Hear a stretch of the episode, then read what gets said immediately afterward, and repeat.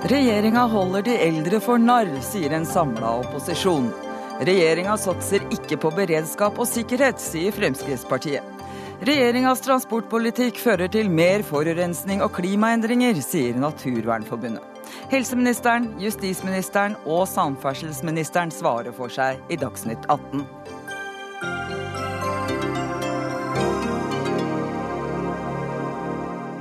Men aller først, velkommen til oss, finansminister Sigbjørn Johnsen. Takk skal du ha. Regjeringa skal bruke 1065 milliarder kroner neste år. Det er mye penger. Hvordan skal velgerne forholde seg til en sånn sum? Hvor mye er dette her egentlig? Nei, Jeg får uh, bruke den gamle forklaringen på hvor mye én milliard er. Altså Hvis du teller én krone i sekundet uten opphold, uh, uten pauser, så bruker du 34 år på å telle én milliard. Så da bruker du 34 000 år på å telle 1000 milliarder kroner. Jeg ble huggeren allerede der, men det er mye penger.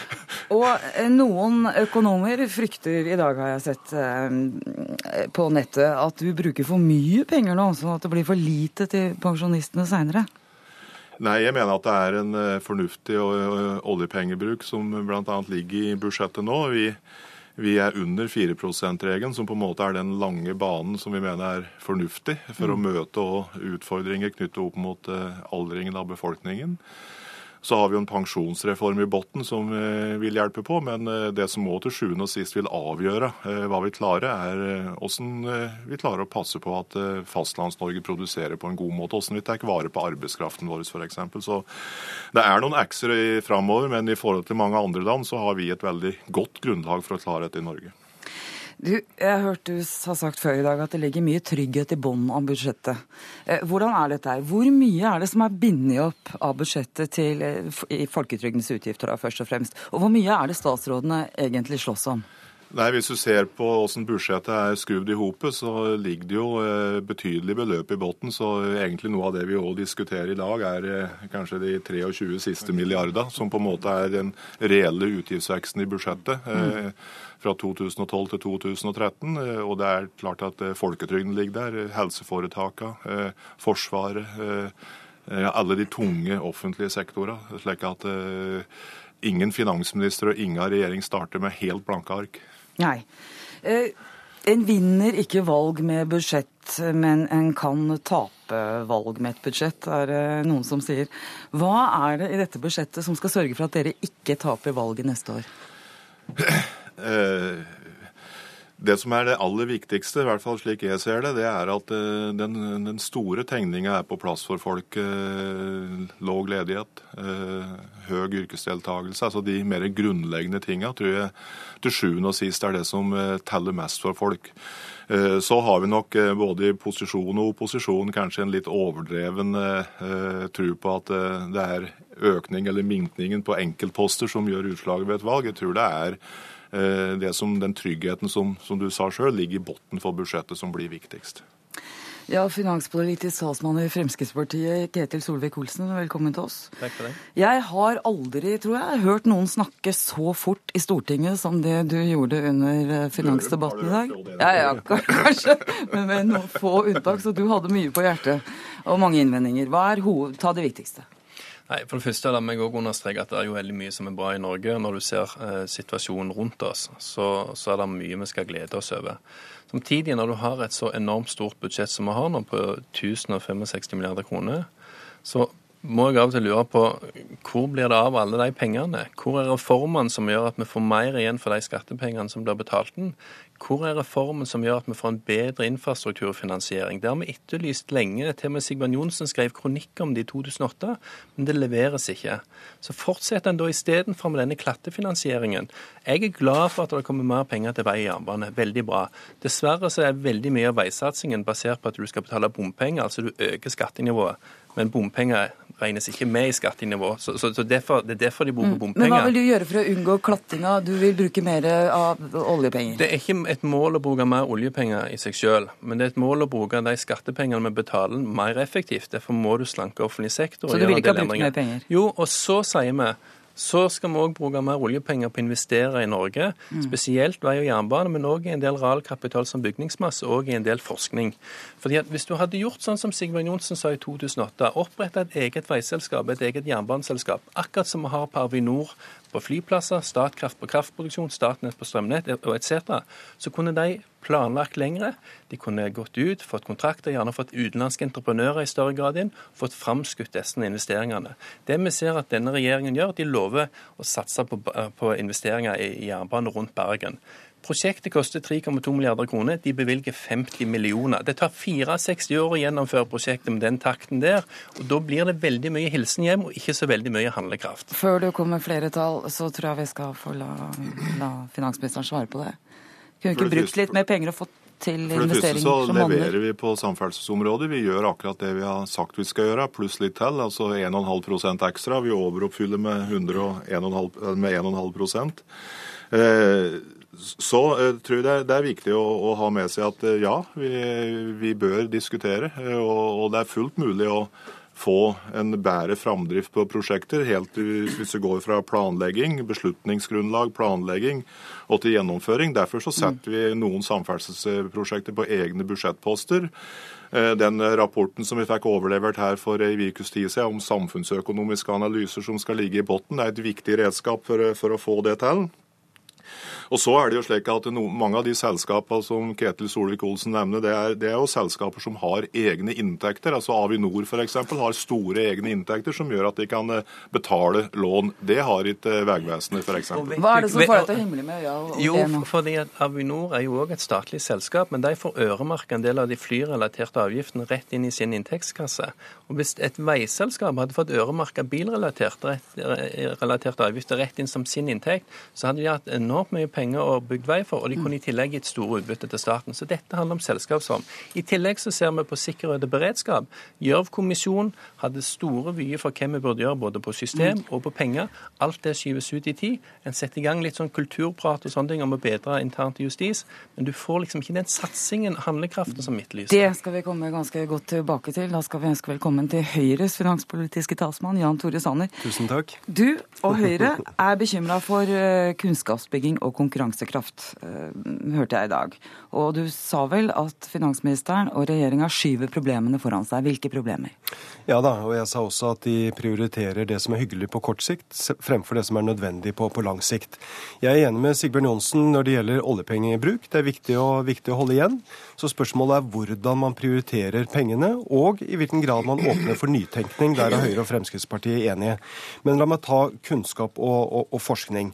Eh, Forskningsbevilgningene sto stille i 2011, de sto stille i 2012, og i 2013 så gir man den økning på 2,2% Det er lavere enn hva budsjettet totalt sett øker. Det viser at man prioriterer ned det som er viktig for å bygge kunnskap, ny teknologi, nye arbeidsplasser for fremtiden. Det er det ene. Det andre knytter seg til skolen. Det er ikke noe som er viktigere i skolen enn læreren. Det å ha gode lærere det bidrar til å utjevne sosiale forskjeller. Det bidrar til større læringsutbytte. Regjeringen prioriterer ikke etter- og videreutdanning for, for lærerne. Vi vet at 4000-5000 lærere ønsker etterutdanning, men det er under 2000 som får. Der prioriterer de det som er hyggelig. eh, Frukt og grønt, ufaglært leksehjelp og nå litt kultur i SFO. Men en storstilt satsing på kompetanse og kunnskap i skolen, det prioriterer ikke regjeringen. og Derfor så mener jeg at, eh, at det er et budsjett hvor man skyver problemene foran seg, og ikke er noe Ja, prioritering Sigbjørn for fremtiden. er ikke det et poeng? Fordi at budsjettet viser også at vi er et eh, ganske oljeavhengig land. Er det ikke viktig og med kunnskap og kompetanseoppbygging så vi får litt mer bein å stå på? Jo, det er jeg helt enig i. Eh, Og eh, eksempel eh, oljenæringa er jo en veldig kompetanseviktig næring for Norge. Og det, det er jo et eksempel på noe av det som skjer. altså I tillegg til den offentlige innsatsen, at næringer sjøl satser både på kompetansebygging og, og, og utdanning av sine, sine ansatte. Når det, gjelder, når det gjelder lærere, så er det en halv milliard avsatt i budsjettet til etterutdanning av lærere. Eh, og jeg er enig i at det å ha gode lærere er viktig for, eh, for, læring. Det å få flere lærere i en del tilfeller. Derfor setter vi i gang et uh, forsøk nå med flere lærere i ungdomsskoler som scorer under gjennomsnittet. Så det satses uh, tungt og betydelig på men, kunnskap men, i dette budsjettet. Men, Sigbjørn Johnsen, dette handler om hva man reelt sett prioriterer. For ganske få dager siden så sto SV-erne frem og, og, sa at nå skulle det bli to uker ekstra pappaperm. I løpet av et par år så vil det koste 600-700 millioner kroner. Og det er helt sikkert hyggelig å ha litt lengre pappapermisjon, men den tunge prioriteringen av forskning og det som skal bygge Norge fremover, det prioriteres ikke. Og, og dette er ikke noe bare Høyre sier, men jeg ser jo at Forskningsforbundet, universitets- og høyskolelektorene, har vært ute i dag og, og gitt regjeringen, som det står på NTB, tyn for manglende forskningsbevilgninger. Solvik-Olsen. Nei, og Der kommer en inn på dette. Altså, Vi ser at regjeringen heller vil bruke penger på å holde folk utenfor arbeidslivet gjennom bedre permisjonsordninger og sånne ting. Når vi samtidig har en situasjon der vi sier at vi trenger arbeidskraft i Norge, så er det altså ikke bedre velferdsordninger du trenger som tar folk ut av arbeidslivet. Det er skatte- og avgiftslettelser som gjør at folk ønsker å jobbe mer, fordi at de får beholde mer av sin inntekt. Du må stimulere arbeidskraften, og så må du stimulere næringslivet til å investere mer gjennom bedre avskrivningsregler. Mm. Og Der skiller borgerlig side seg veldig fra dagens regjering, som ikke vil bruke skatte- og avgiftspolitikken til å stimulere næringslivet. Johnsen. Gode velferdsordninger er viktig for konkurransekraften i norsk økonomi. og jeg tror at Det at vi har eh, så stor grad av sosial trygghet hvis du eh, mister jobben, hvis du blir syk, er en viktig del av den modellen som går på at du skal ha en kompetent og god arbeidskraft. Så er det viktig at du eh, satser på tiltak som gjør at de som står utafor arbeidsstyrken, de som, eh, er, de som har en, fun en, en, funksjon som gjør at de har vanskeligheter for å komme inn i arbeidslivet, at det satses på det. Derfor vrir vi, derfor vrir vi bruken av arbeidsmarkedsmidler. Men de myndighetene kan gjøre en del ting, og så kan mm. arbeidsgivere eh, gjøre òg mye for å få det til. Jo da, Men, men, men hvis, du, hvis, du, ser på tallene i budsjettet, så viser det at antall, uh, antall uføretrygdede under 30 år har økt kraftig i løpet av bare det siste, siste året. Og Det er den gruppen som vokser raskest. Samtidig så nedprioriterer regjeringen både rus- og psykiatrisatsingen eh, i, i budsjettet. Hvis du virkelig skal sørge for at, eh, at flere eh, mennesker skal være innenfor arbeidsmarkedet og ikke utenfor arbeidsmarkedet, så nytter det ikke at man fortsetter å prioritere de to viktige områdene. Og du snakker om skjult arbeidsledighet, Solvik-Olsen. Ja, fordi at vi har en offisiell veldig lav arbeidsledige i Norge. Offisielt, vi har vel det? Ja, men hvis du begynner å ta med de som går på arbeidsmarkedsavklaringspenger, de som er uføretrygda i arbeidsfør alder, så snakker du om over en halv million mennesker ekstra der. Ser du bort fra at det er en grunn til at de er uføretrygda? Det er en del av de som har funksjonshemning og andre ting, som gjør at de står utenfor. Noen har psykisk problem. Men vi hadde nettopp et møte med Nav, og vårt klare inntrykk med det de kommuniserte, det er at hvis du hadde grepet fatt i en del av disse og gitt dem et bedre tilbud raskere, så hadde de ikke mista kontakten med arbeidsmarkedet sånn som de nå gjør. Det å bli, gå vekke fra jobben din i seks-sju måneder, komme tilbake opplever at folk eh, eh, husker deg ikke på samme måten, du er ikke en del av miljøet, da mister du selvtillit, og sakte, men sikkert så forsvinner du ut. Derfor en av de tingene som vi må satse på i budsjettet sterkere enn den har gjort, det er f.eks. lærlingordninger. Der de som ikke er teoretisk anlagt, men som er praktisk anlagt, får sjanse inn i arbeidslivet. Ja, og Der har vi akkurat inngått en kontrakt mellom myndighetene, arbeidsgiver og fagbevegelse for å styrke lærlingordningen. Vi må stimulere økonomisk. Ja, men vi gjør det i tillegg. Nei, men, men, det er òg viktig, viktig at arbeidsgivere fagbevegelse og myndighetene samarbeider om lærlingordningen. Det gjør vi gjennom en samfunnskontrakt, og det er et viktig framtidsrettet tiltak. Både for å få tak i mer framtidig arbeidskraft, men også for å gi ungdom en større mulighet gjennom akkurat den typen eh, opplegg inn i arbeidslivet. Kontrakten er viktig, men du må også sørge for at det blir mer attraktivt for de private bedriftene å ta inn lærlinger. Og det offentlige er nødt til å gå foran ved å få flere lærlinger også inn i offentlig sektor. Ja, det er jeg enig i. og Derfor har vi satt måltall for lærlinger i offentlig sektor. Jeg tror ikke vi kommer til bunns dessverre, i den saken her og nå, for tida for denne bolken er uh, ute. Men det skal handle om budsjett framover. Takk til deg, finansminister Sigbjørn Johnsen. Takk til Jan Tore Sanner. Takk til Ketil Solvik-Olsen. Ja, da kommer det to kommentatorer inn i studio. ene er professor i økonomi ved Universitetet i Oslo, Steinar Holden. Velkommen hit. Hvordan vurderer du regjeringas budsjett for 2013?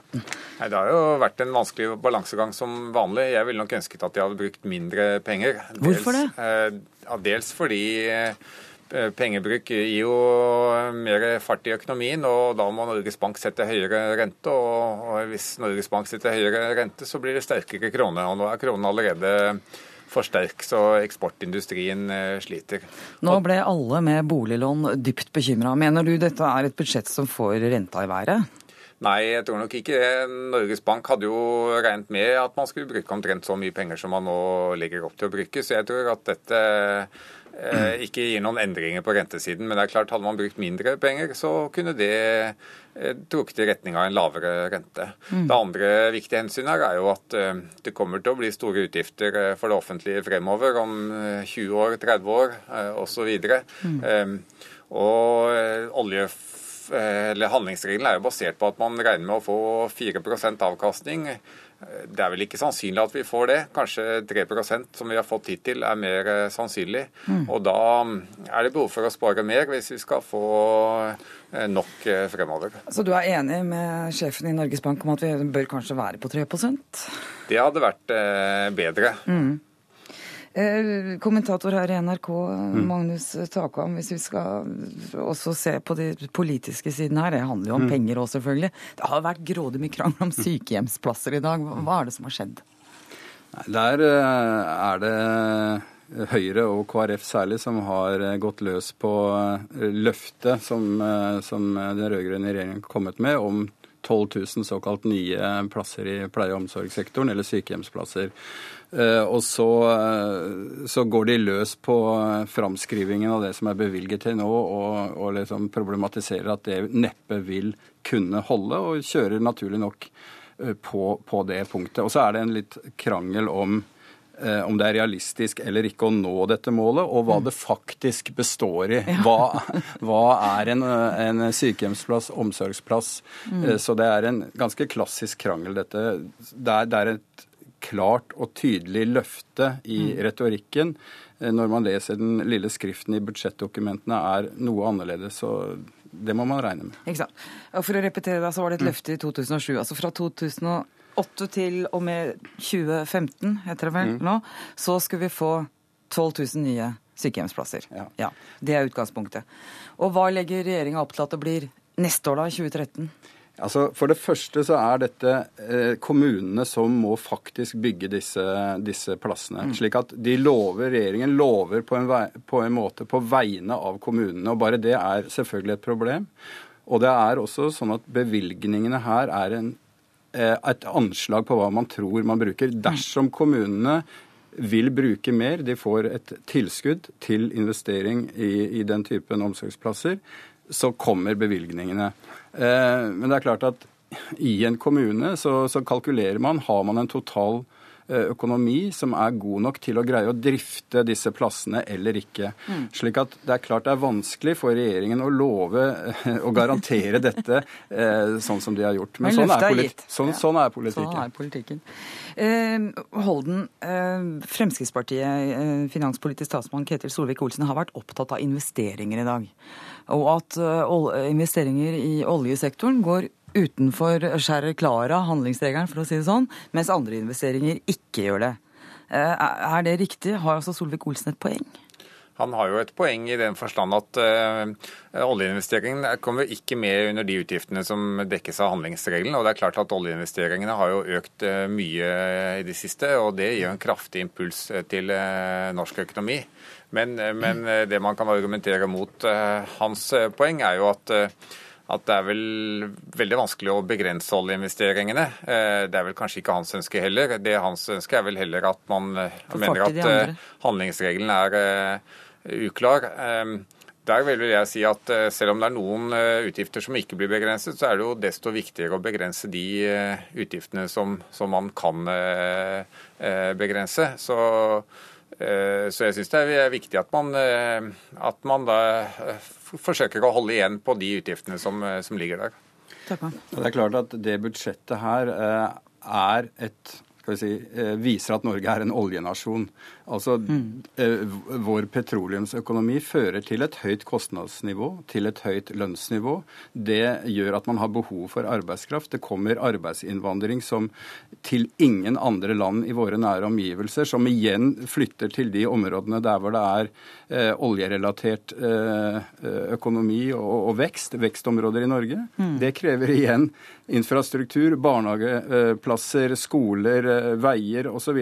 Slik at det er en, en dynamikk her som, som, er krevende for mm. alle. Men jeg tror at dersom man skulle gå ned på en mindre bruk av oljepenger, slik både Statistisk sentralbyrå, sentralbanken og Holden går inn for, og mange fagøkonomer, mm. så måtte de fleste politikerne være enige om det. Det er ingen regjeringsfraksjon eller opposisjonsgruppe som ville ha politisk mulighet til å gjøre en så uh, drastisk snuoperasjon uten at det er en bred politisk enighet om det. Mm. Og det har du ikke i øyeblikket. Holden? Jeg er jo enig i det poenget. Altså nå Sentralbanksjefen foreslo jo at man skulle ikke ha 4% men 3 eh, mm. Men eh, det var jo ingen politikere som eh, fulgte opp det. og da må Jeg vinner ikke valget på det? Eh, det er nok vanskelig å vinne valget på det, rett og slett. Så, mm. så, så da må man på en måte vurdere ut ifra den 4% som, som ligger der, og som alle parter er enige om. Samtidig så, så må man fortsette å si at det er veldig gode grunner grunn til å bruke 3 istedenfor 4 mm. Men øh, sier det er naturlig at det investeres mest i olje, eller blir sånn, jeg har kanskje ikke noe særlig valg. Men samtidig har vi jo hørt i årevis at det fra alle hold, politiske hold at det er veldig viktig å investere i Fastlands-Norge også, så vi har flere bein å stå på. Er det ikke mulig å få gjort begge deler, da? Det er jo mulig å investere mer i Fastlands-Norge, men da må en jo eh, redusere bruken på andre områder. og det er mm. klart at Her er det, er det jo sterke ønsker om økt bruk på mange andre felt, så det er litt prioriteringene som er problemet. Og det er vel det som er politikken, kanskje? Ja, Det er klart at også Det er jo ikke eh, et utelukkende onde at vi har olje her i landet. Det, det, er, det, er, det, er, tvert imot en velsignelse, men det er også veldig problematisk å styre en oljeøkonomi på den måten vi snakker om. Og det er klart det er uheldig dersom deler av industri som vi gjerne vil ha, blir slått ut. Mm. Eh, turisme i distriktene, hva vet jeg, som ikke greier å holde det lønnsnivået som, som oljeøkonomien girer opp. Mm. Sånn at eh, det er ganske krevende krevende for de som styrer, å skal vi si, finsikte dette. Mm. Takk skal du ha, Magnus Akvam, og takk til deg, Steinar Holden.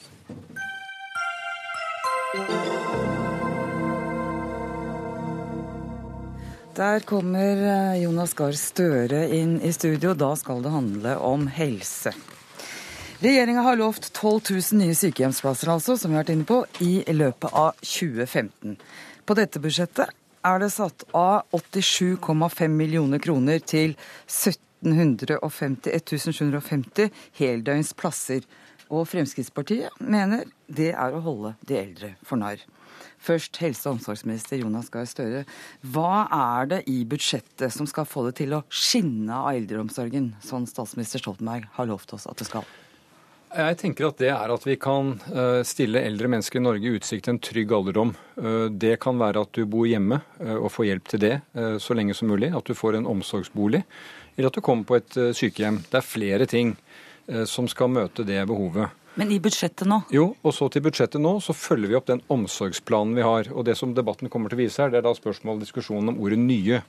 Fordi at Det som eh, ble lovet her for noen år siden, det var at det skulle bygges 12 000 plasser innen 2015. Det går vel ikke an å bygge gamle plasser? Jo, men så skal du høre da at nei, det kan du si, men det er noe som heter rehabilitering og fornyelse. Dvs. Si at det bygges dusj, at det kan pusses opp, det kan gjøres i ordning for at et ektepar kan bo der, eller at det kan bli enkeltrom. Mm. Begge deler er det behov for og nye plasser. slik at det som har vært sagt og sagt og sagt Jeg ser at noen steder har stått ordet nye, men i alle budsjettdokumenter jeg har vært igjennom, så har det vært sagt at det skal gis tilsagn til tilskudd om bygging av plasser. Jo, men hvorfor er det viktig? Fordi at det du gjør, er en tett dialog med kommunene. Det er ikke departementet som sitter og bestemmer dette. Og når kommunene ønsker å bygge og vil være med å finansiere f.eks. sykehjemsplasser, så søker de om det. Når det blir eh, innvilget, så får de en garanti om at de får de pengene. Pengene kommer når nøkkelen står i døren. Mm. Det er slik alle slike prosesser går. Og vi er i rute med det.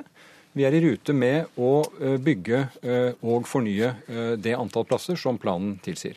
Men opplys mitt noe mørke hode, da. Fordi at dette løftet fra 2007 eh, om 12 eh, 000 nye i løpet av 2015, som mm. noen av oss har oppfatta det. Ja. Altså, Betyr det 12 000 flere nei. i forhold til 2007? Ikke, ikke det gjør ikke det? Nei, det betyr ikke nødvendigvis det. 12 000 nei. netto.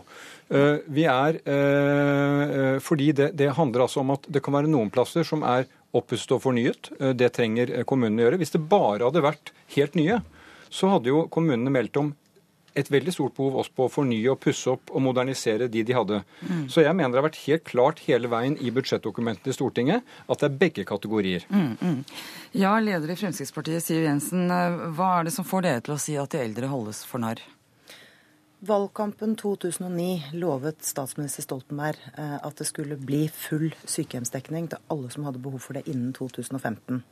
Det har i dagens budsjettdiskusjon eh, blitt et redusert til uttrykket eh, tilsagn om tilskudd. Og jeg må si at Dette er jo avslørt pga. en feilaktighet i dag. Man la ut en feil eh, pressemelding i Helse- og omsorgsdepartementet som ikke skulle vært der. Man avslører at man aldri i verden har til hensikt å klare dette innen målet. Og jeg synes at eh, Det de må redegjøre for i Arbeiderpartiet nå, det er hvem har snakket usant flest ganger. For i 2005 skulle det skinne av eldreomsorgen. I 2009 lovet man 12 000 nye plasser. Det var nye plasser, det var ikke fornyede plasser. Jeg er enig med, med helseministeren i at vi også trenger å modernisere gamle sykehjem sykehjem, mm. gjøre de mer moderne. Men vi trenger også nye plasser, og det har vært diskusjonen hele tiden. Og jeg har bare lyst til å legge til dette. Man kan gjerne gjøre dette til en diskusjon om tilsagn og tilskudd. Dette handler om mennesker. Syke, eldre mennesker og deres pårørende som har trodd på løftet i 2005, trodd på løftet i 2009. Mm. Nå er bløffen avslørt. Det er pinlig. Men du, det handler om syke mennesker, ja. og jeg syns dere skal være litt Mens, mer etterrettelige. Støre, du skal nå få anledning ja. til å forklare meg og lyttere mm. og seere hva, hva, er dette med tilskudd og tilsagn? Altså, det er fint å få anledning til å forklare dette i et program som satser på uh, god opplysning. Det er altså slik at Et tilskudd det er når pengene utbetales. Det er når byggingen er ferdig. Uh, et tilsagn får du om å gå i gang. Jeg vil heller kalle det en garanti. Når, når, det er et prosjekt som er godt, 40 nye sykehjemplasser i en kommune, så mm. gis det tilsagn. Da kan de gå i gang og bygge. Pengene kommer når det er bygget. Og når vi har sagt at det skal være 12 000 plasser innen 2015, så kommer det til å bli gitt tilsagn også høsten 2015. Men de kommer ikke til å stå klar 31.12.2015 hvis du skjønner. Det er på en måte helt vanlig prosess for dette. Men så jeg bare si altså, at... Nei, vent litt nå. Ja. Det er altså å gi klarsignal, altså ja. garantere for at dette betaler vi, og så handler det om å betale når de er ferdige. Ja, skal bruke et eksempel. Vi er nå halvveis i perioden mot 12 000. Det er gitt 6000 tilsagn. Mm. Ikke sant? Det er da halvparten. Ja. Det er bygget litt over 3000. For det kommer noen flere. Men jeg vil også si, siden vi sitter i en politisk debatt, det er Siv Jensen her som nå skremmer eldre. Fordi at Statsministerens uh, løfte det står helt fast. Det er ikke som med barnehage, slik at du kan sette to Løfte om at det skal skinne? Nei, at det skal være uh, full uh, altså, sykehjemsdekning. Ja. Men det er ikke som med barnehage når du kan regne ut hvor mange barn det er, for du vet ikke hvor mange eldre som vil trenge det. Mm. De eldre er en befolkning som trenger mye forskjellig. Mm. Og Derfor så satser vi på et veldig bredt felt. Eh, at du kan være hjemme med hjelp, at du kan få omsorgsbolig og at du kan få sykehjemsplass. Så det er faktisk Fremskrittspartiet her som nører opp under det som handler om mennesker og frykten hos dem. De har ikke grunn til å frykte for det. Det skal være en verdig og trygg eldreomsorg for alle. Siv Jensen Kort, for vi har to andre gjester. Helseministeren har helt rett i at ikke vi vet hvor mange eldre som trenger. Det er fordi man aldri har kartlagt behovene ute i Kommune-Norge, og det er jo skammelig i seg selv. Men jeg har lyst til å lansere fire tiltak. Vi må få innført bemanningsnormer, sånn at man slipper å dope eldre mennesker ned fordi det ikke er nok folk på sykehjemmene. Vi må øremerke midler midler til eldreomsorg i kommunene. Vi må sørge for en annen finansieringsmodell som gjør at kommunene har råd ikke bare til å bygge nye, men å drive. drive. For det er det som skjer nå, at noen har begynt å bygge. Mm. De har ikke penger til å drive. Og det fjerde vi må gjøre, er å få lovfestet retten til en sykehjemsplass når behovet kommer. Kan jeg bare få skyte inn det? Altså, Vi er i tett kontakt med kommunene på dette, mm. Eh, slik at vi kan svare på de behovene de har. Det har vi klart til nå. Skulle de behovene øke, så har vi også vært i stand til å kunne øke og gi flere tilsagn. Bent Høie, fra Høyre, du leder helse- og omsorgskomiteen heter det, ikke sant, på Stortinget. Eh, hvordan ser du på dette med sykehjemsplassene? Nei, her har, eh. Her har Jens Stoltenberg eh, presentert en dobbel bløff i to valgkamper, både i valgkampen i 2007 og 2009. I valgkampen i 2009 skrev han en personlig blogg til landets eldre og kalte dette for Arbeiderpartiets viktigste velferdsløfte. Det viktigste velferdsløftet til Arbeiderpartiet er nå avslørt. Det er en bløff fordi det handler ikke om 12 000 flere plasser. Mange av disse plassene skal altså bare være nymalte plasser. Og det andre er i den bløffen som ble avslørt i dag gjennom den tabben som skjedde i Helse- og omsorgsdepartementet, er at disse plassene ikke skal ha fått et investeringstilskudd innen 2015, sånn som det sto i statsbudsjettet i 2008, og som også er blitt gjentatt flere ganger etterpå, men de skal få et såkalt tilsagn om tilskudd. Og hva betyr det? Jo, det betyr i realiteten at målet er nå flytta fem år fram i tid, fordi som departementet skriver sjøl på sine hjemmesider i dag, det tar om lag fem år fra tilsagnet gitt til nøkkelen står i døra. Det kan vi ikke klandre Støre for at det tar tid å bygge jo, nye nei, men Det som er hele poenget, er at når en sier at nå er det ikke lenger snakk om at det er målsetningen er tilskudd, men tilsagn om tilskudd, så er altså målsetningen om 12 000 plasser ikke gjelder ikke lenger for 2015, men det gjelder for 2000. Og for å legge til, kommunene har faktisk blitt spurt om hva som er behovet. Fylkesmennene undersøkte dette i 2007. Det skrev regjeringen i sine egne dokumenter. De dokumenterte at det var behov for 12 000 flere plasser fram til 2015, og så var det behov for å ruste opp 8000 av de eksisterende. Altså i sum, i forhold til eh, Støre sitt regnestykke, 20 000 plasser. Det som vil være interessant for landets eldre, det er nå å høre den nye helseministeren si hvor mange flere sykehjemsplasser kan de eldre i Norge vente seg er ferdig Men fram mot 2015, holder når kommunen har sagt at det er behov for to- 12 000 Hvis, flere? hvis vi holder oss til den skikken at um, Ja, du kan godt få svare på det, Støre. Nei, altså jeg, jeg, jeg jeg er opptatt av at uh, den eldre skal føle seg trygg. Og vi får ikke bare trygghet gjennom sykehjemsplasser, men også det eldreomsorg er, og i fremtiden kommer til å bli mye mer, et bredt type tilbud. Men- men Støre, og, altså, og, og, den, og, og denne, denne reformen altså Jeg sitter her med bunker av papirer hvor statsministeren har presisert dette med oppussede og nye. Det må bare avfeie oppussede vil jeg, bare, vil jeg avfeie. fordi det er altså eksisterende rom som ikke er gode nok og blir oppusset, får tilskudd. Det ønsker kommunene. Så jeg vil ikke gi et svar på hvor mange omsorgsplasser det kommer til å være i 2012. For det er bare en del, og det avhenger av behovene og den kontakten vi eh, kommer til å ha med kommunene og deres behov. Øker det, så vi også kunne øke Men jeg tror kanskje det viktigste spørsmålet, eller svaret nå for i hvert fall ganske mange lyttere, det er hvis en holder på målet om at det skal være sykehjemsplasser til alle som trenger det. Det gjør dere. Det gjør vi. Ja, Men så er det også litt usikkert hvor lang tid det kan ta. Er det sånn? Men vi skal altså, forstå det er altså slik at Ingen av oss i panelet kan si i 2015 hvor mange sykehjemsplasser du trenger for at alle som trenger det, får det. Mm. Men når vi har satt dette målet og jobber med det, og vi jobber med å justere det i kontakt med kommunene, så er det for at vi skal kunne nå det målet. Selvfølgelig. Vi har satt et realistisk mål som vi også følger opp, også i dette budsjettet. Jensen dere, dere lovet faktisk ikke at det skulle settes en spade i jorda. Dere lovet at det skulle stå ferdig 12 000 splitter nye sykehjemsplasser Nei. innen, jo, innen 2015. Det var det dere lovet. det. I tillegg, I tillegg Nå sitter jeg med et intervju som Stoltenberg ga i august 2009, rett før stortingsvalget. Da lovet han ikke bare 12 000 nye plasser. Han lovet at kvaliteten skulle opp, at man skulle få godt kosthold, man skulle få et normalt liv, man skulle komme seg ut, man skulle få hjelp med personlig hygiene osv. Ingenting av det, Nei, det er jo Kan jeg få snakke er ferdig? Ja, Ingenting av det er jo gjennomført. Vi ser jo nesten daglig reportasjer med ganske skremmende bilder fra dette. Og det er jo nettopp det- derfor Fremskrittspartiet foreslår å få bemanningsnorbe ved sykehjemmene. For bare da får du opp den kvaliteten. Bent Høie. Det vi kan konstatere i dag, nå, det er at eh, altså etter to år så er ikke Arbeiderpartiet ennå i stand til å tallfeste det som de sjøl kalte for sitt viktigste valgkampløfte på velferdsområdet i 2009. Det dette betyr, for det er ikke sant som Støre sier, at kommunenes behov for sykehjemsplasser det er gjenspeiles ikke hvor mange sykehjemsplasser de søker om. Sannheten er at kommunene har meldt veldig klart tilbake igjen at dagens tilskuddsordning ikke er god nok. Det er grunnen til at de ikke søker på den. Derfor har Høyre foreslått at tilskuddsordningen skal gjøres bedre. Og ikke minst eh, så bør han gjøre det som Stoltenberg gjorde i sitt løfte til eldre. Han viste til barnehageløftet som var gjennomført, så sa nå er det de eldre sin tur.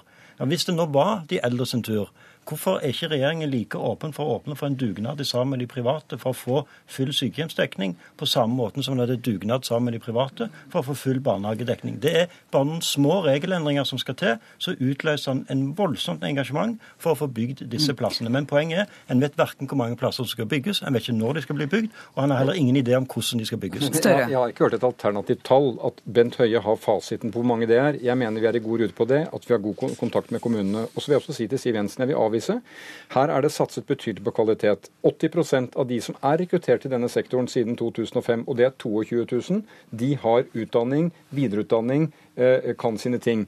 Vi har satset på kultur i, hos foreldre, sykehjem. den kulturelle spaserstokken. Jeg har sett den i full aktivitet på, på, sykehjem. Og vi satser på disse andre trivseltingene. Også heldøgnstilbud til demente, som er en økende del av befolkning som vi satser på. Så jeg vil bare, som ansvarlig for denne sektoren nå i to uker, si at de signalene som jeg opplever er liksom litt skremmende å skulle si til landets eldre at de skal føle seg utrygge, det skal de ikke gjøre. Det vil alltid, vent litt, det vil alltid være utfordringer i denne sektoren. Det er jeg fullt innforstått med. Og vi blir veldig mange flere eldre underveis. med denne type skremmende skremmeretorikk, det kan jeg ikke stå inne for. Hold an litt nå, for vi har, eh, Beklager, Siv Jensen. Vi har nemlig en gjest til. Hun er forferdelig høflig og ikke kom til ordet. Og det er president i Legeforeningen, Hege Gjessing. Eh, helseministeren, hvis ikke jeg husker feil, kaller budsjettet for tidenes største budsjetterte vekst i midler til sykehusene. Er det riktig? Er det du har sagt? Til økt pasientbehandling, ja. ja. Men dere er ikke helt fornøyd, eh, altså i Legeforeningen. Hvorfor ikke? Nei, eh, vi har sett på tallene og, sett at dette er ikke Det er ingen stor helsesatsing i dette budsjettet. Hvis du sammenligner med andre sektorer, så kommer helse middels eh, dårlig ut. Og vi hadde jo ønsket oss en helsesatsing. Og så Når vi da ser på de tallene som ligger, så er det to milliarder til sykehus. Det er en økning, og det er bra. Og det er bra at man har satset på sykehus og erkjent at det er her man trenger å gjøre innsatsen.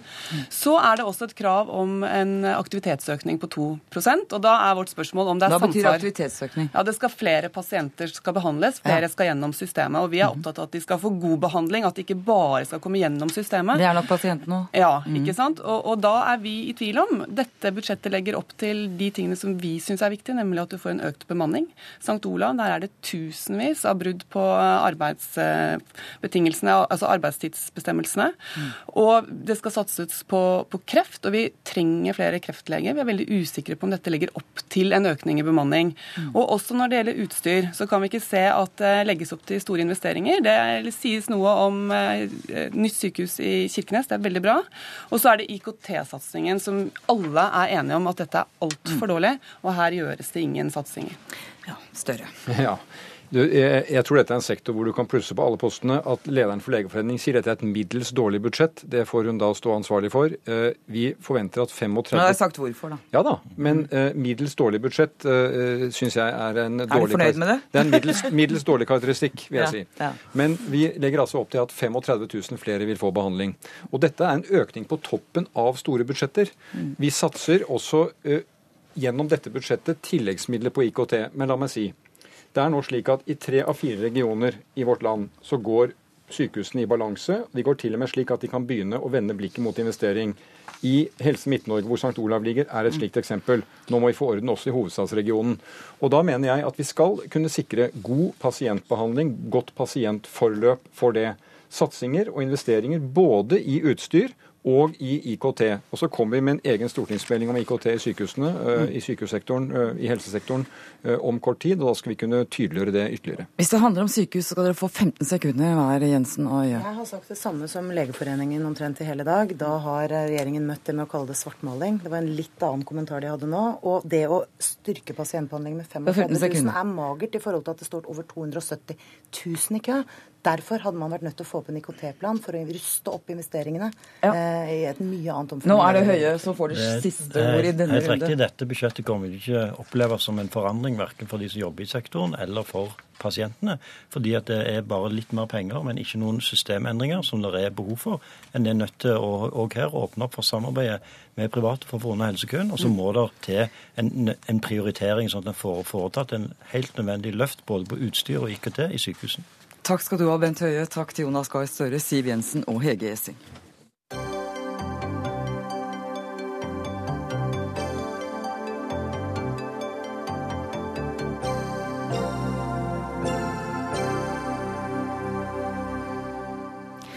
Vi skal eh, straks snakke snakke om satsingen på beredskap i statsbudsjettet.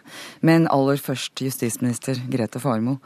I dag sier du til NRK at du angrer på at du ikke tok kontakt med tidligere politidirektør Øystein Mæland før du ba om en habilitetsvurdering av deres forhold. Hvorfor angrer du på det nå? Det var uh, mye som skjedde den uh, dagen. Og jeg mener likevel at jeg burde hatt åndsnærværelse til å ta kontakt uh, med Mæland før jeg ba om den vurderingen. Mm. Og jeg har alltid regna meg habil i forhold til Mæland. Han har gjort ypperlig innsats som statssekretær for meg gjennom flere år. Og det er rett og slett på det menneskelige plan at jeg har gått eh, og tenkt eh, på dette. Og mm. jeg eh, har kommet til at det var fra min side riktig å si. Ja, Du sier at du klandrer deg sjøl fordi du ikke gjorde det. Er, er, det det eneste du klandrer deg for i den prosessen, eller, eller er det mer? Jeg kommenterer ikke personalsaker. Og eh, vi har hatt en situasjon i Justisdepartementet mm. og i sektoren som har vært krevende gjennom 15 måneder. Mm. Og jeg har hatt samtaler med mange, men de samtalene vil jeg ikke Nei, det, gi noe fra. Det er rimelig. Eh, men angrer du på, det må jeg nesten spørre om, fordi at du sa ikke den gang, f.eks. her i studio, at du hadde tillit til politidirektør Øystein Mæland så lenge han satt. Og det er vi ganske vant til å høre i sånne situasjoner. Hvorfor kunne du ikke si det da? Hadde du ikke tillit til at han var den rette til å gripe fatt i utfordringene i 22. juli-rapporten?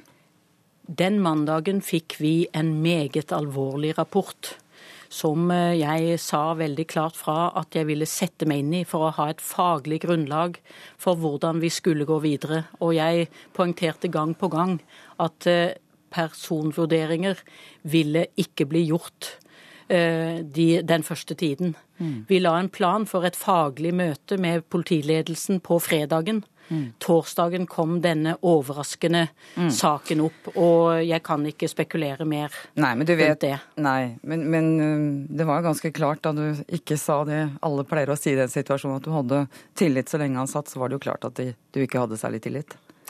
Jeg Når du valgte å gjøre det sånn? Jeg opplever at den situasjonen var så krevende at det var riktig rett og slett å gå gjennom rapporten.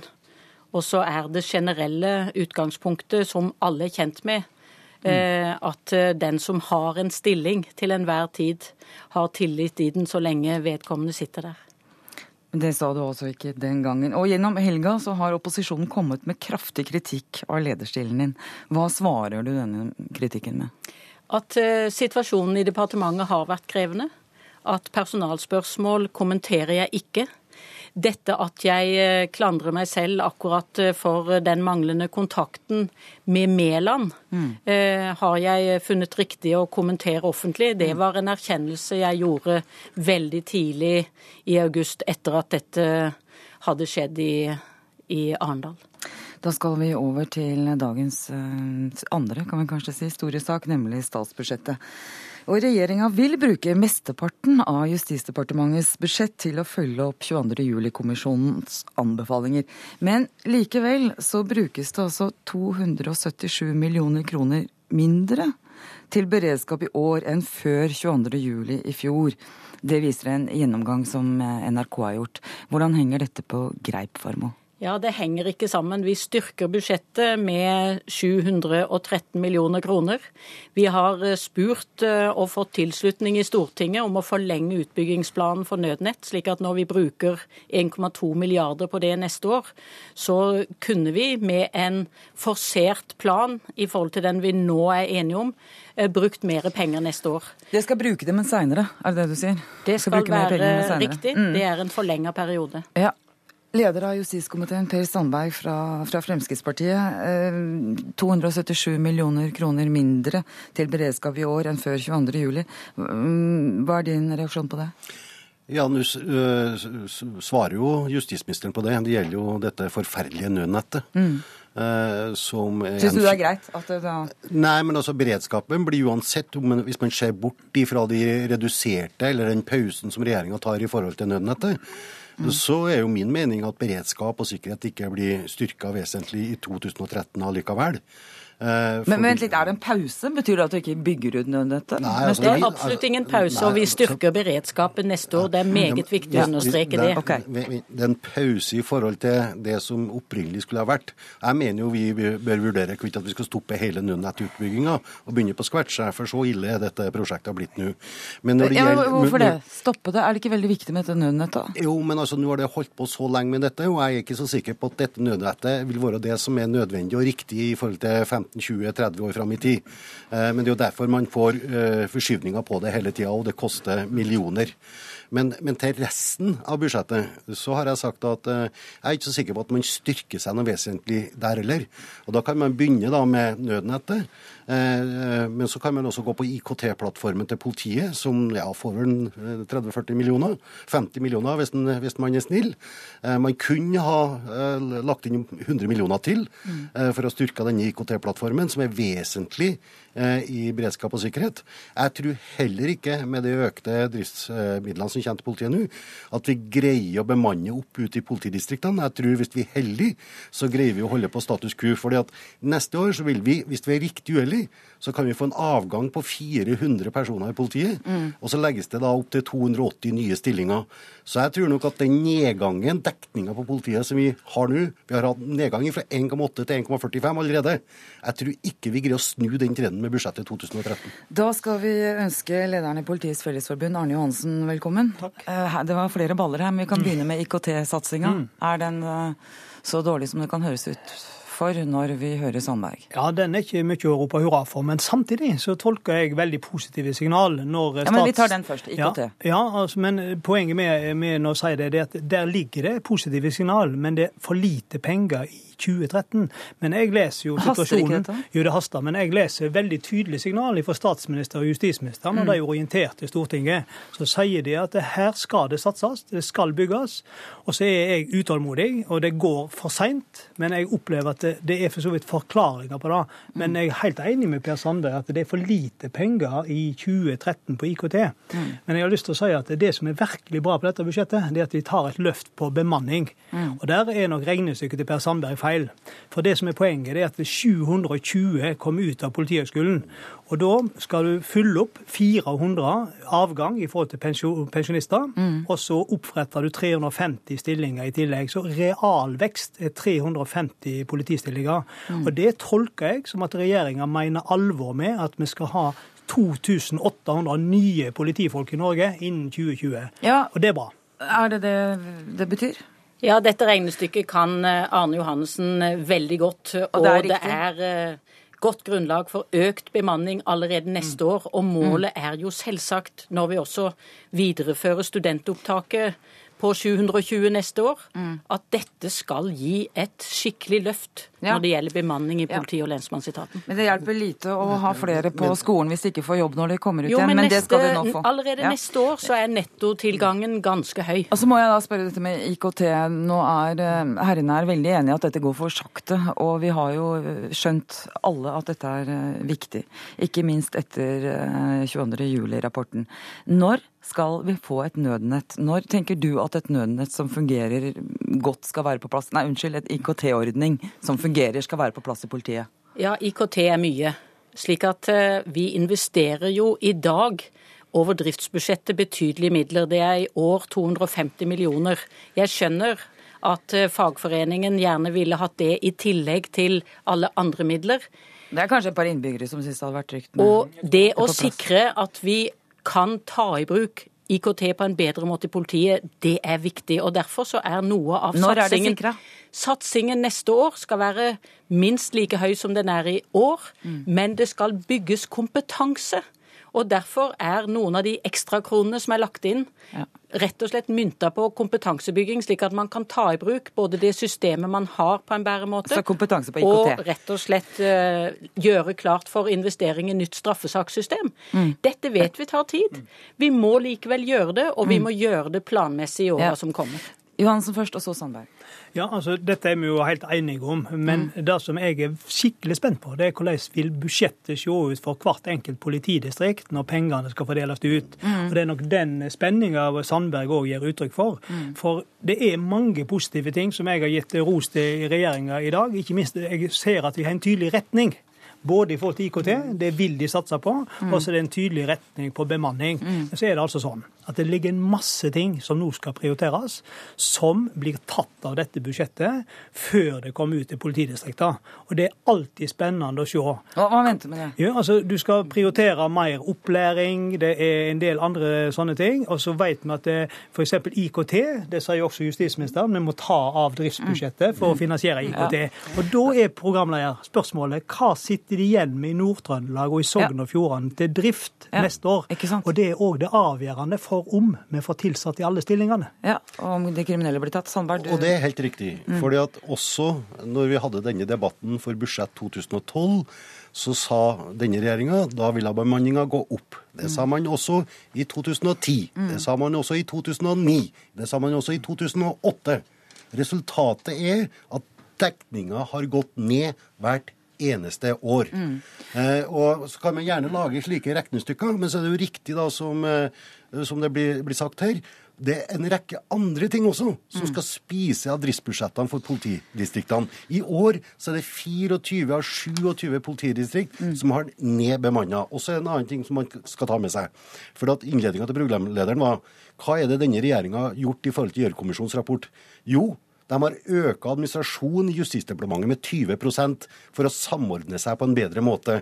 Og så gjenstår det å se da hvorvidt det blir bedre med flere høvdinger som skal samordne seg i forhold til å forstå beredskap og sikkerhet, eller om det blir dårligere. Jeg tror det blir dårligere. Det vi har igjen av tid, er din, Farmo. Ja, dette er et fortegna bilde. Vi har f.eks. For forsterka helikopterberedskapen. Vi legger nå til rette for at vi kan kjøpe inntil 16 nye redningshelikoptre. Ja, det er en gammel sak som Stortinget har vært kjent med i ti år. Vi skal øve mer, vi skal føre bedre tilsyn og kontroll også med øvelser for å sikre at vi er bedre beredt. Vi har en eh, bedre struktur på den sentrale krisehåndteringen. Ja, nå skal inngå det er mange, avtaler på kjøp av redningshelikopter. Det er jo ikke en styrking av beredskap neste år, det. Men kan det er eh, også lagt inn 340 millioner kroner for å styrke den eh, eksisterende flåten. Og vi kan ikke la disse delene ligge, Sandberg. Ellers så svekker vi beredskapen. Jo, det er faktisk en styrka beredskap. Vi er nødt til å sette strek der nå. Grete Formoe, du skal tilbake til politimestermøtet, skal du ikke det? Det skal jeg. Takk for at du kom hit. Takk til Arne Johansen. Takk til Per Sandberg.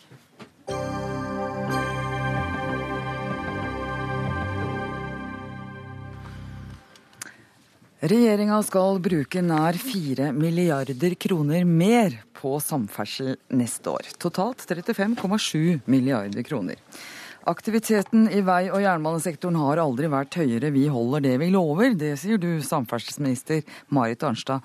Du er utropt som budsjettvinner i dag. Hva er det vi får for disse milliardene?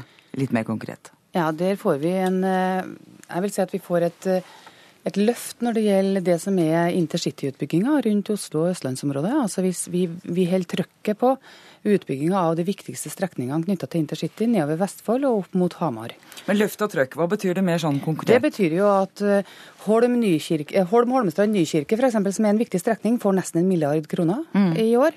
Farriseidet Porsgrunn, som ble satt i gang nå i høst, får 400 eh, millioner. Langset Kleverud opp mot Hamar får også nesten en milliard til å holde framdriften. Mm. Og så settes det også av 800 millioner kroner til planlegging av Follobanen, altså Oslo-Ski. Mm. Så det er jernbanesida.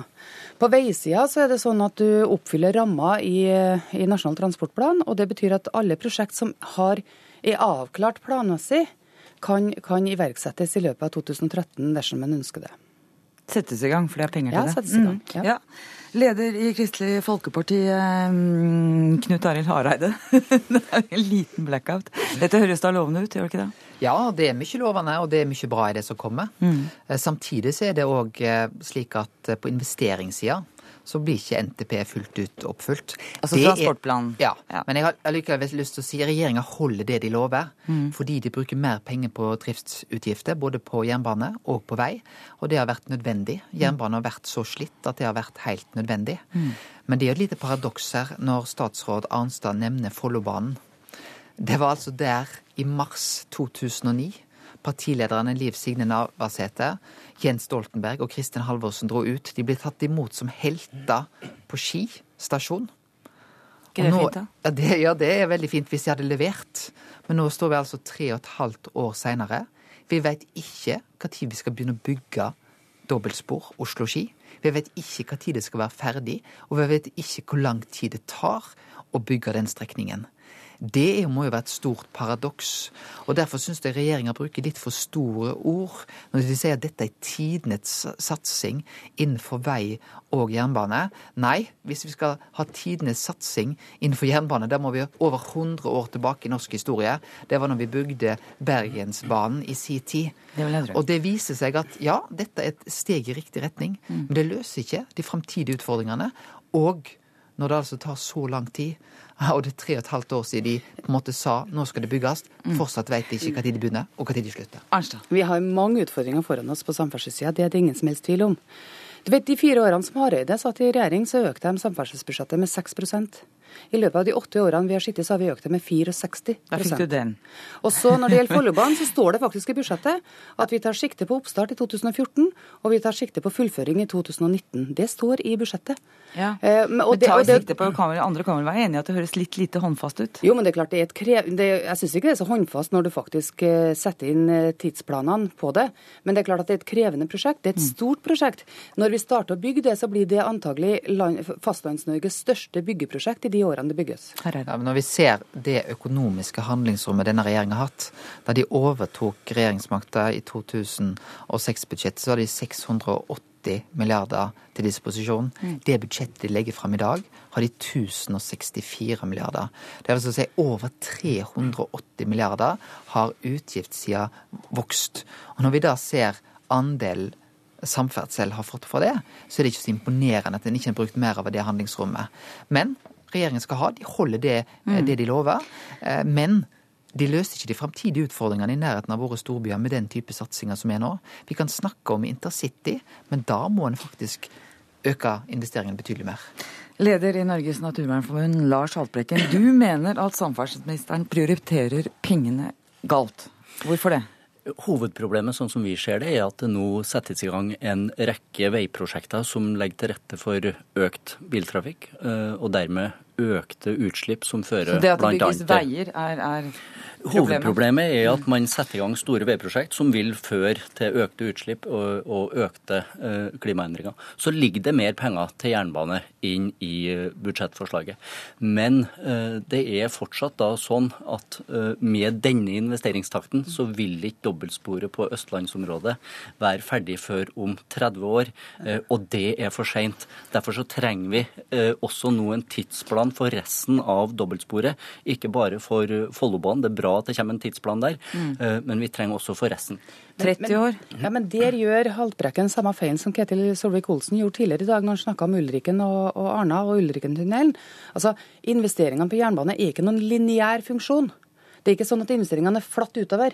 Det er klart at De prosjektene du nå har igangsatt, der kommer jo investeringene til å gå i en, i en, i en stor sånn bøyle. og Det betyr, at, det betyr jo at du, ikke, du kan ikke regne deg fram til samme investeringsbeløp hvert år. For du må faktisk, skal du bli ferdig i 2018 som Farriseid i Porsgrunn, ja, så må du faktisk øke investeringene år for år for å ta unna investeringstoppen på det prosjektet. Og så skal du klare å nå eh, datoen i 2018. Sånn skjer investeringsporteføljen ut i virkeligheten. Derfor synes jeg det er litt enkel og lettvint retorikk å si det at det tar 30 år, eller at du er ferdig med Ulriken i eh, 2064. Altså, det går ikke an å argumentere på den måten. Hareide også. Ja, det Haltbrekken har rett i, at hvis vi ser på historien her de siste 30 årene, så har han rett i det han sier. Men derfor så må jo nå statsråd Arnstad levere når Nasjonal transportplan kommer til Stortinget. Da er vi nødt til å se at investeringstakten er en annen. For hvis ikke vi får til en fornya investeringstakt, så vil jo vårt intercitytriangel og våre intercitystrekninger ta 20-30 år. Det er jo helt riktig som Haltbrekken sier. Det er jo en veldig god start da, at vi har økt jernbaneinvesteringene med 30 bare i år. Jeg mener Det er det ingen annen som har gjort før oss. Veldig kort, Haltbrekken. Hvis vi kan ta dette som et signal på at utbygginga blir gjennomført betydelig fortere eh, enn på 30 år, så, så er, er jo det bra. Ja. Uh, og Jernbaneverket sier at det er mulig å få dette på ti år, mm. men da må bevilgningene til jernbane ytterligere opp. Og vi mener at man da må ta fra en del av de store motorveiprosjektene, særlig på østlandsområdet, mm. som bare genererer mer forurensning. Arnstad, kort til slutt. Jo, altså Vi har jo forplikta oss også i klimaforliket til å komme tilbake i Nasjonal transportplan med en framdriftsplan for intercity, der det også tidfester de ulike strekningene. Og Vi har oppfylt de forpliktelsene vi har tatt på oss i klimaforliket i dette budsjettet, mm. og det skal vi selvsagt også gjøre i Nasjonal transportplan. Takk skal du ha, samferdselsminister Marit Arnstad. Takk til i Kristelig Folkeparti, Knut Arild Hareide, og takk til leder for Naturvernforbundet, Lars Haltbrekken. Denne sendinga er slutt. Ansvarlig for sendinga Dag Dørum, teknisk ansvarlig Erik Sandbråten, og her i studio Eva Nordlund takker for følget. God kveld!